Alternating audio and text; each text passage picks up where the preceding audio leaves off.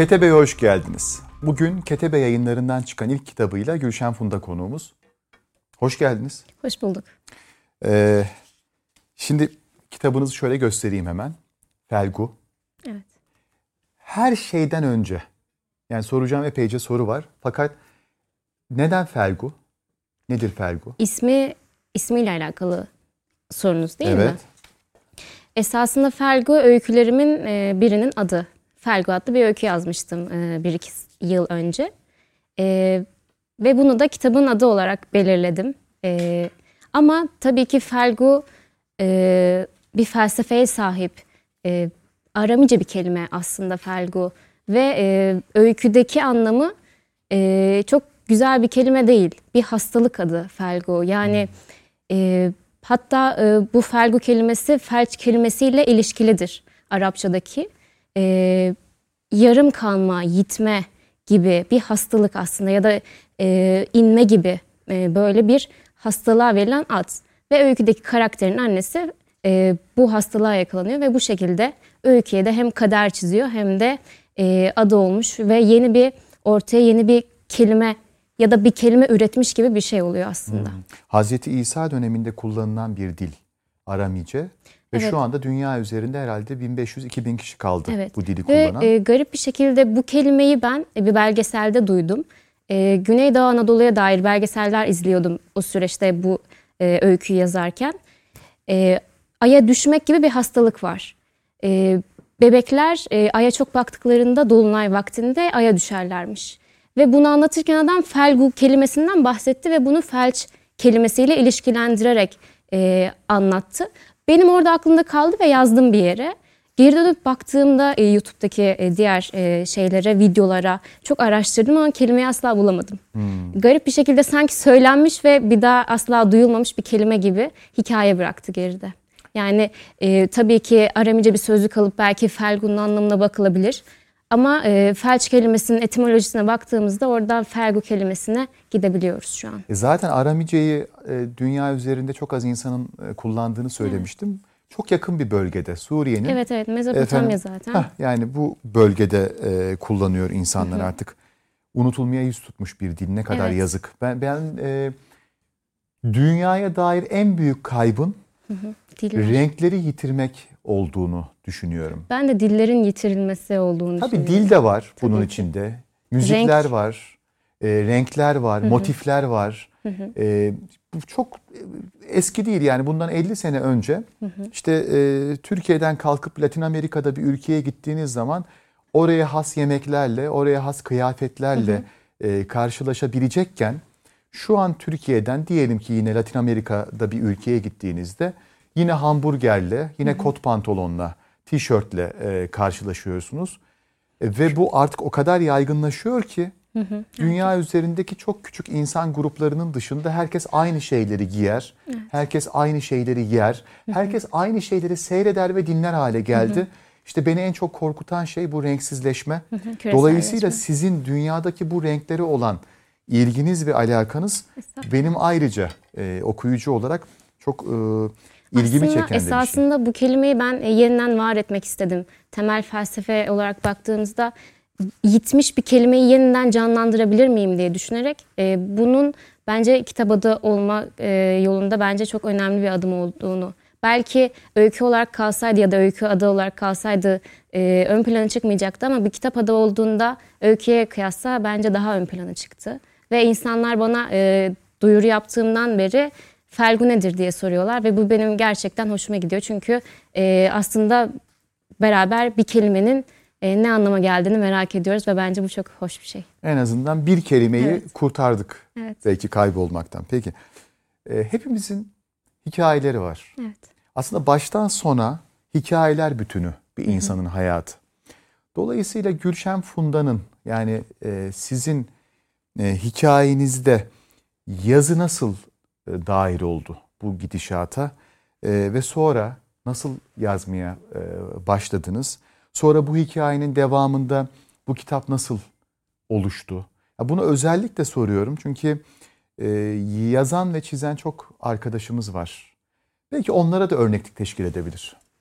Ee, esasında insan e, bir şekilde günlük yazar ya da e, okulda öykü yazar ya da e, başka şeyler vardır hayatında ama ben bu noktada biraz daha e, her şeyin dille başladığını düşünüyorum. Yani dil içimize e, işlediğinde ya da dil içimizde olduğundan itibaren bence biz hikaye anlatmaya, hikaye paylaşmaya, bir şeyler yazmaya başlıyoruz. Aslında o e, dil bizim için bir tohum oluyor ve siz onu suladıkça e, ağaç oluyor. Buradan başlamak istiyorum öncelikle. E, ben nasıl yazmaya başladım? Elbette benim de günlüklerim, öykülerim oldu. Erken yaşta öykü yayınlamaya başladım. Ve onlar birikerek bir hacme ulaştı ve kitap olarak şu an karşınızda. Mesela Felgu'da 4-5 yılın öyküleri mevcut. içinde onlar var. Benim için elbette kırılmalar var. Şiire ilgi duydum. E, hala da duyuyorum ve e, garip bir şekilde bir öykücü olarak e, garip değil pek çok kişi var. E, hem öykü hem şiir yazan ama e, öyküyle birebir gidiyor benim şiir okumalarım. Yani e, hem çevir hem Türk Edebiyatı'ndan e, şiir çok fazla okuyorum. Belki de bu e, öykünün diline sirayet etmiştir ama şiirle başlamıştım e, yazın hayatıma. E, bir şekilde e, öykü yerini aldı bunun. Ama o sanki şiir devam ediyor gibi geliyor arkadan ve beni takip ediyor gibi geliyor. O açıdan e, şiirle başladığımı ve öyküyle devam ettiğimi ben söyleyebilirim. Bence e, şiir sanatının bütün insanların hayatına büyük ve güzel katkıları hı hı. E, olur ve olacaktır da. E, fakat e, farklı alanlarda yazan insanlara ayrıca bence güzellikler ekleyebilecek bir alan hı hı. şiir. Dolayısıyla ben hissettim onu. Dil. Yani okurken Felgu'yu e, şiirin sizin hayatınızdaki yeri hissediliyor. Evet ve daima da olsun isterim şiir hayatımda. Yani çünkü e, şiir de aslında bir dil meselesi ve orada bence şiir e, farklı bir düşünme biçimini gerektiriyor. Yani ben yeniden e, şiire dönüp baktığımda ya da şiir yazabilir miyim diye kendimi sorguladığımda e, o düşünme biçiminden uzaklaştığımı görüyorum. E, daha çok öykü formuna doğru e, gittiğimi görebiliyorum ama e, bence şiir de bir dil meselesi ve yeniden dili kurma meselesi. O açıdan e, bence şiirin hayatımdaki yeri e, çok önemli benim açımdan. Peki şiirle ilgili bir e, şeyi paylaşacağım. E, az sonra paylaşacağım. Pekala. Şurada bir yerde dursun. E, kök ve gök e, iki bölüme ayrılmış evet. kitap bu isimlerle. Bu ayrımın anlamı nedir? E, tasnif etmek istedim e, ama tabii ki hani insan ilk öyküsünden çok uzakta oluyor ya da bir yıl önce yazdığı öyküden çok uzakta oluyor. O açıdan aslında benim iki e, farklı kolda öykü yazdığımı tematik olarak ben kitap dosyasını hazırlarken fark ettim. E, kök bölümü biraz daha taşraya, Anadolu'ya ve e, daha böyle gerçeğe yakın öyküleri ta, e, barındırıyor içinde e, yaşadığımız coğrafyanın rengini alıyoruz sonuçta ve oranın dili, oranın insanları bizi sirayet ediyor. İlk öykülerimde benim daha çok taşra, Anadolu ve pek çok böyle e, babamın e, ya da dedemin anlattığı ya da dedemin olduğu ya da işte babamın olduğu hikayeler ya da onların o tematik e, hikayeleri orada yer alıyor. Ama gök benim esas önemsediğim kısım ilk bölüm. E, burada göksel bir dünya yaratmaya çalıştım. E, daha çok e, hiç olmayan ya da belki geçmişte yaşanıp gitmiş bir e, dünya e, hayal ettim ve onu yaratmak istedim. E, tabii ki bu gök bölümünde e, semboller de var. E, farklı kültürlere ait işte eski uygarlıkların e, sembollerinden, simgelerinden onların hayata bakışını anlamaya çalıştığım için onları da katmaya çalıştım elbette. O açıdan sanki e, biri daha çok gökte bir dünya, diğeri de yerde bir dünya ve biz onun ortasında onların ikisine de şahitlik ediyoruz gibi geldi. Evet. Onun hikayesi de bu şekilde. Peki e, az önce aktarayım dediğim şiirle ilgili şeyi de söyleyeyim. Hani ben bir hata olmasın küçük bir kelimede bile düşüncesiyle okuyayım istedim. Diyor ki şair, biliyorum matarada su, torbada ekmek ve kemerde kurşun değil şiir. Ama yine de matarasında suyu, torbasında ekmeği ve kemerinde kurşunu kalmamışları da ayakta tutabilir şiir. Çok güzel. Hasan Hüseyin'in e, bir şiir tanımı ki ben çok fazla bir şey mi yüklenmiş acaba şiire diyenler olabilir ama değil. Sanki ilk dil gibi geliyor bana şiir. Hı-hı. Biraz romantik bir bakış ama e, öyle düşünüyorum. Semboller dediniz ya az önce. Evet. Onlar e, bu kitaba böyle mistik bir havada eklemiş. Evet. Biliyorum hani sizin düşünceniz ilk etapta bu değildir muhtemelen ama okuyucuya geçen şey bu. Dolayısıyla her öykünün sembolleri kendine özgü mü mesela? Ee, bir de bu sembollere nasıl karar verdiniz? Evet. Nasıl oldu?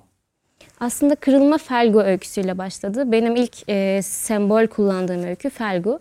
Felgu ayın evrelerine göre yazılmış bir öyküydü. Yani öyküyü yazarken onu hissetmemiştim ama dönüp bir baktığımda e, bunun ayın evrelerine göre yazılmış bir öykü olduğunu fark ettim. Çünkü parçalı parçalıydı. Şimdi eski uygarlıklara baktığımızda e, ilk dördün çocukluğu temsil eder. Dolunay gençliği ve son dördün yaşlılığı ve en sonunda yeni ay yani yitim o kapkaranlık olma hali ölümü temsil eder. Ve ben bunları işte okurken birden öyküde bağlantı kurdum öyküyle. Çünkü e, oradaki karakter de e, doğuyor, büyüyor ve hani en sonunda yeni aya e, ulaşıyor ve o döngü tekrar ediyor.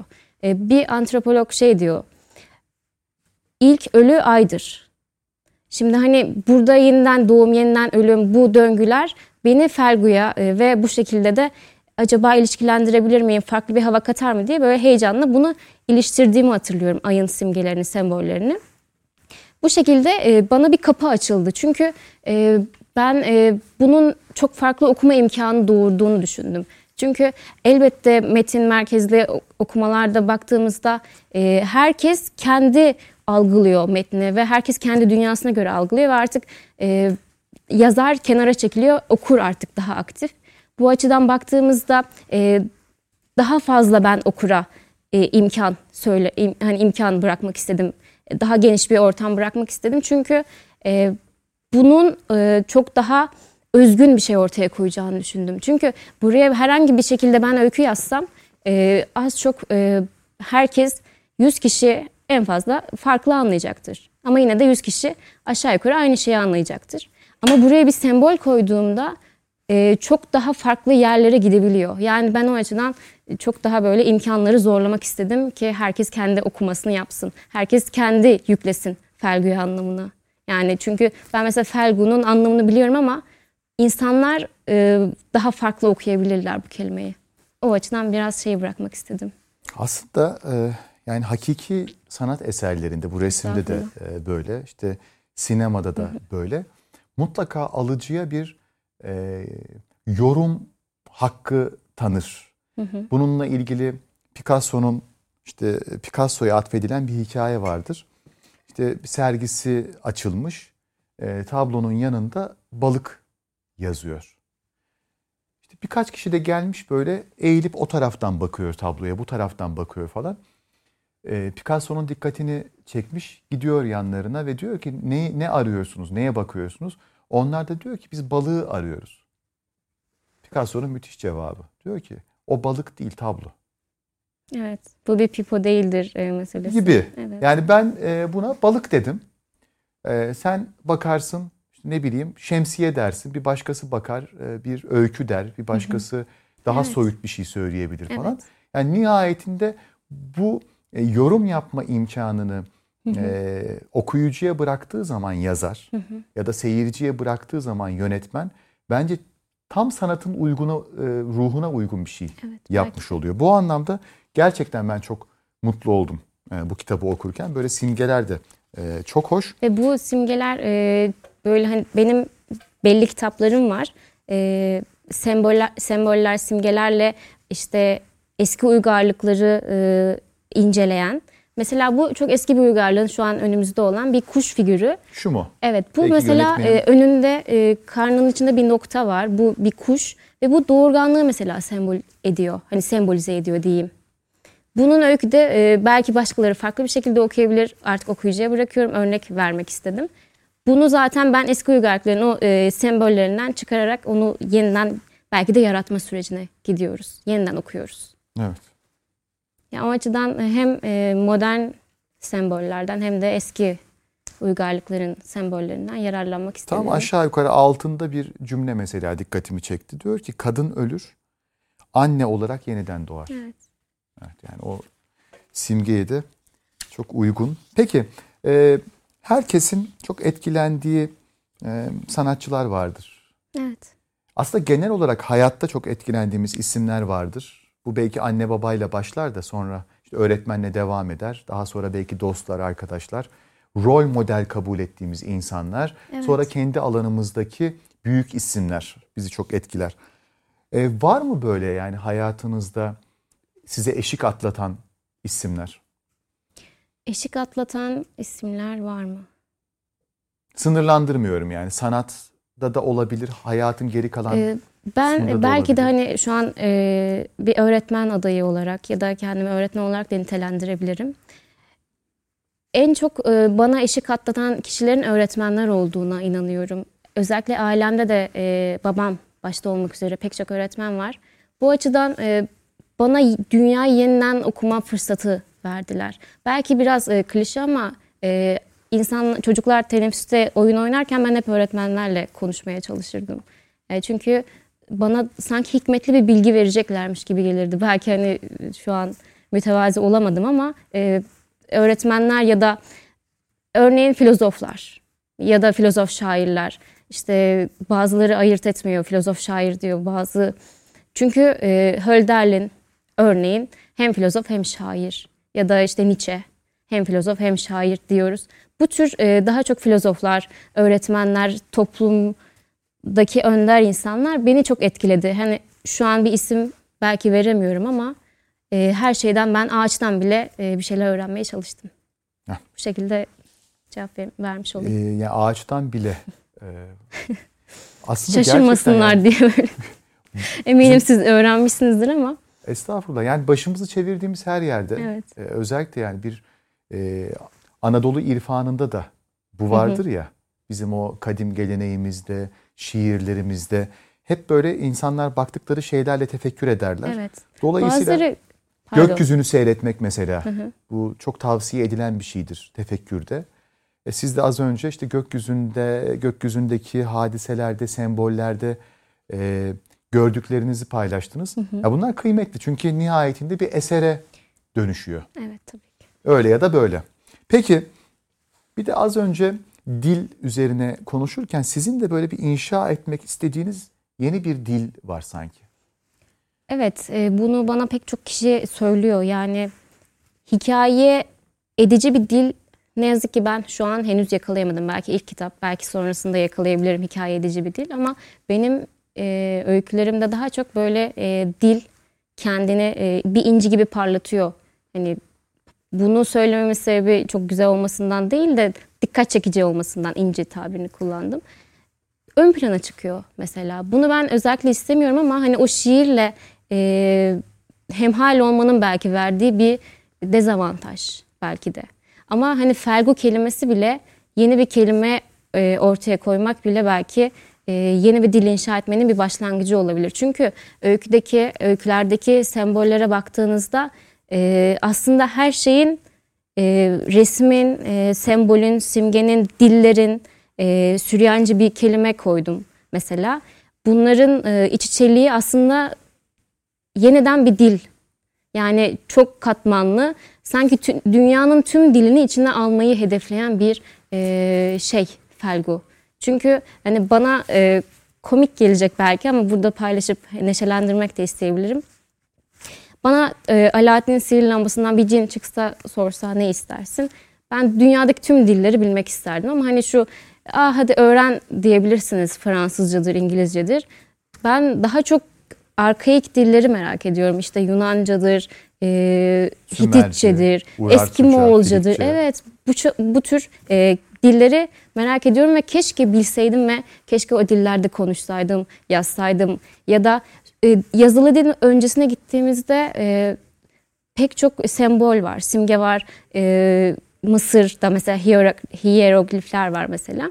Bunları mesela bilmek isterdim ki yine ben e, bunlara dair de ilerleyen zamanlarda bir şeyler yapmak isterim. O açıdan dünyanın tüm dillerini kuşanan bir e, anlayışla öykü yazmayı ben e, kendime yakın buluyorum. Bu açıdan sorunuza cevap vermiş olayım. Yani e, hem mesleki anlamda. Çünkü hepimiz insanız ve diller e, nihayetinde aynı şeye hizmet ediyor. Ve aslında hepimiz konuşuyoruz ama önemli olan hepimizin bir dille konuşmuş olması. Yani ortak bir paydada birleştirmek isterdim tüm dilleri. Bir de şöyle bir şey var. Ee, bunu araştırmalar tabii ortaya koyuyor. Ee, insan bildiği kelime kadar hayatı Hı. algılayabiliyor. Evet, düşünme. Bu bu gerçek. Dolayısıyla ecdat bunu bir şekilde tespit etmiş olacak ki diyor ki bir dil bir insan, iki dil iki insan, üç dil üç insan. Biz şimdi bir iki insan, üç insan deyince sanki böyle somut olarak yan yana insanlar oluşacakmış gibi e, evet. düşünebiliriz. Fakat zihni olarak hakikaten birden fazla insan haline gelmeye başlıyorsunuz. Hı hı. Örnek vereyim. Şimdi hiç bilmediğiniz bir kelimeyi diyelim ki işte çok yakın zamana kadar bu program öncesinde felgunun anlamını bilmiyorduk. Felgu dediğinizde insanların gözünün önünde bir şey canlanmıyor. Hı hı. Hiçbir tasavvuru yok. Evet ve bu bir kabuk aslında. İnsanlar ruhunu verecek bu kelimeye. Evet. E, fakat ağaç dediğinizde hemen gözünüzün önünde bir ağaç canlanıyor. Evet. İşte yöresel olarak kimi çam ağacını canlandırıyor hı hı. gözünün önünde. İşte kimi çınarı, kimi evet. meşeyi, kimi işte bende olduğu gibi narenciye ağaçları gözünde canlanıyor falan. E, dolayısıyla e, ne kadar çok dil bilirseniz o kadar çok kelime biliyorsunuz aynı anda. Dolayısıyla o kadar çok kelimeyle tasavvurlar oluşturabiliyorsunuz. Evet ve dünyanız işte, genişliyor. Dünyanız genişliyor. Dolayısıyla e, yeni dilleri bir şekilde çok iyi ama e, az ama çok öğrenmek bu anlamda da tıpkı ataların dediği gibi o iki insan, üç insan soyut manada evet. sizi böyle bir mertebeye yükseltiyor. O yüzden sizin diller konusundaki hassasiyetinizi ben kendime çok yakın bulduğum için bunu eklemek istedim. E, bende de var. Ha, ne güzel. O yeni terimleri öğrenelim, yeni kelimeleri öğrenelim. Yani yeni derken hayatımıza yeni şekilde dahil yeni edelim kelime. diye. Peki e, mutlaka her insanın ya bir insan ölmeden önce şu kitabı okusa ne güzel olur. Şu filmi seyrese ne güzel olur. E, ya da ben şu sıra e, çok fazla şu müziği dinliyorum. Keşke hı hı. herkes dinlese dediği bazı eserler vardır. Evet. E, bizim geleneksel son sorumuz. Tamam. Bir taşla üç kuş e, sorusu bu. Pekala. Var mı sizde? Ee, az önce e, sizi kimler etkiledi diye sorduğunuzda Nietzsche'den bahsetmiştim. Benim için kırılma noktası Nietzsche'nin böyle buyurduğu Zerdüşt adlı e, kitabı hala başucumda durur ve belki de en fazla okuduğum e, kitaptır. Yani altını çizmediğim yer yoktur. Sayfa sayılarını bile nerede ne olduğunu ezberlemişimdir. O açıdan eğer kendinizi keşfetmek istiyorsanız, kendi e, yolunuza çıkmak istiyorsanız ben e, böyle buyurdu Zerdüşt'ü tavsiye ediyorum Benim, Nietzsche'den. E, böyle ve, buyurdu Zerdüşt'le ilgili de bir şeyim var. Benim hocam isterseniz. E, çevirisini yapan ya, Ahmet Cemal. E, nurlar içinde yatsın. İnşallah. Yani bize hem o çeviriyi nasıl yaptığını anlatmıştır. Kendisinden önce de vardır e, aynı eserin çevirisi ama Ahmet Cemal'in şöyle bir özelliği vardı. Kendisi Almancadan bir çeviri yaptığında artık o son nokta diye kabul edilirdi. Ve ondan önceki çeviriler de bir kenara bırakılırdı. Bu eserde de böyle olmuştu. Evet. Dolayısıyla bana hocamı hatırlattınız. Bir de buna ek olarak e, iki kitap olsun. Hı hı. E, yine Nietzsche delirmeden önce e, şiirlerini topluyor garip bir şekilde. Ve en başa da e, hatırlamıyorum ama e, işte şair işte çılgın mı işte şair işte deli mi böyle en e, bu şiirinde en başa alıyor kitap dosyasının. E, mesela onun şiir kitabı da okunabilir. E, Nietzsche'nin şiir Nietzsche'nin kitabı. şiir kitabı dedik. E, müziğe geçelim. E, hepimizin takip ettiği yakından bildiği Büşra Kayıkçı. E, çok özgün buluyorum ve onun doğum şarkısı bana e, ilham veriyor pek çok açıdan. Çünkü ben de e, doğuma inananlardanım. E, insanın içsel serüveninde e, yeniden başlamasına, e, dairesel bir şekilde hikayeye başlamasına ve e, de, yola devam etmesine ve yolun sonunda bir şeye ulaşmasına ben inanıyorum ve umarım e, güzel yollarımız olur hepimizin. O açıdan ben Büşra'nın doğum şarkısını e, e, par, e, parçasını tavsiye ediyorum Büşra Kayıkçı'nın. E, ve ne seyredelim? Ne seyredelim? e, üçleme mavi, beyaz, kırmızı. Ben e, mavisini izledim. Kieślowski'nin e, Blue filmini de tavsiye ediyorum. E, bence güzel bir film olabilir sizin için. Yani Kieślowski bütün hani filmleriyle Evet. bizim zaten gönlümüze taht kurmuş. Diğerlerini izleyemedim inşallah sınavdan sonra. İnşallah. Yani ben dekalogları da tavsiye evet ederim. onu not aldım. Evet böyle kısa kısa e, pek çok film. Şu an ben detayını söylemeyeyim ki sürprizi e, Evet. kaçmasın.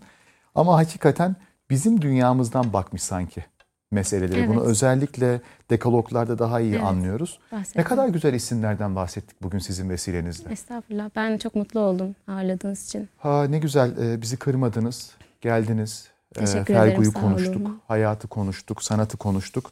Dediğim gibi güzel isimleri de yad ettik.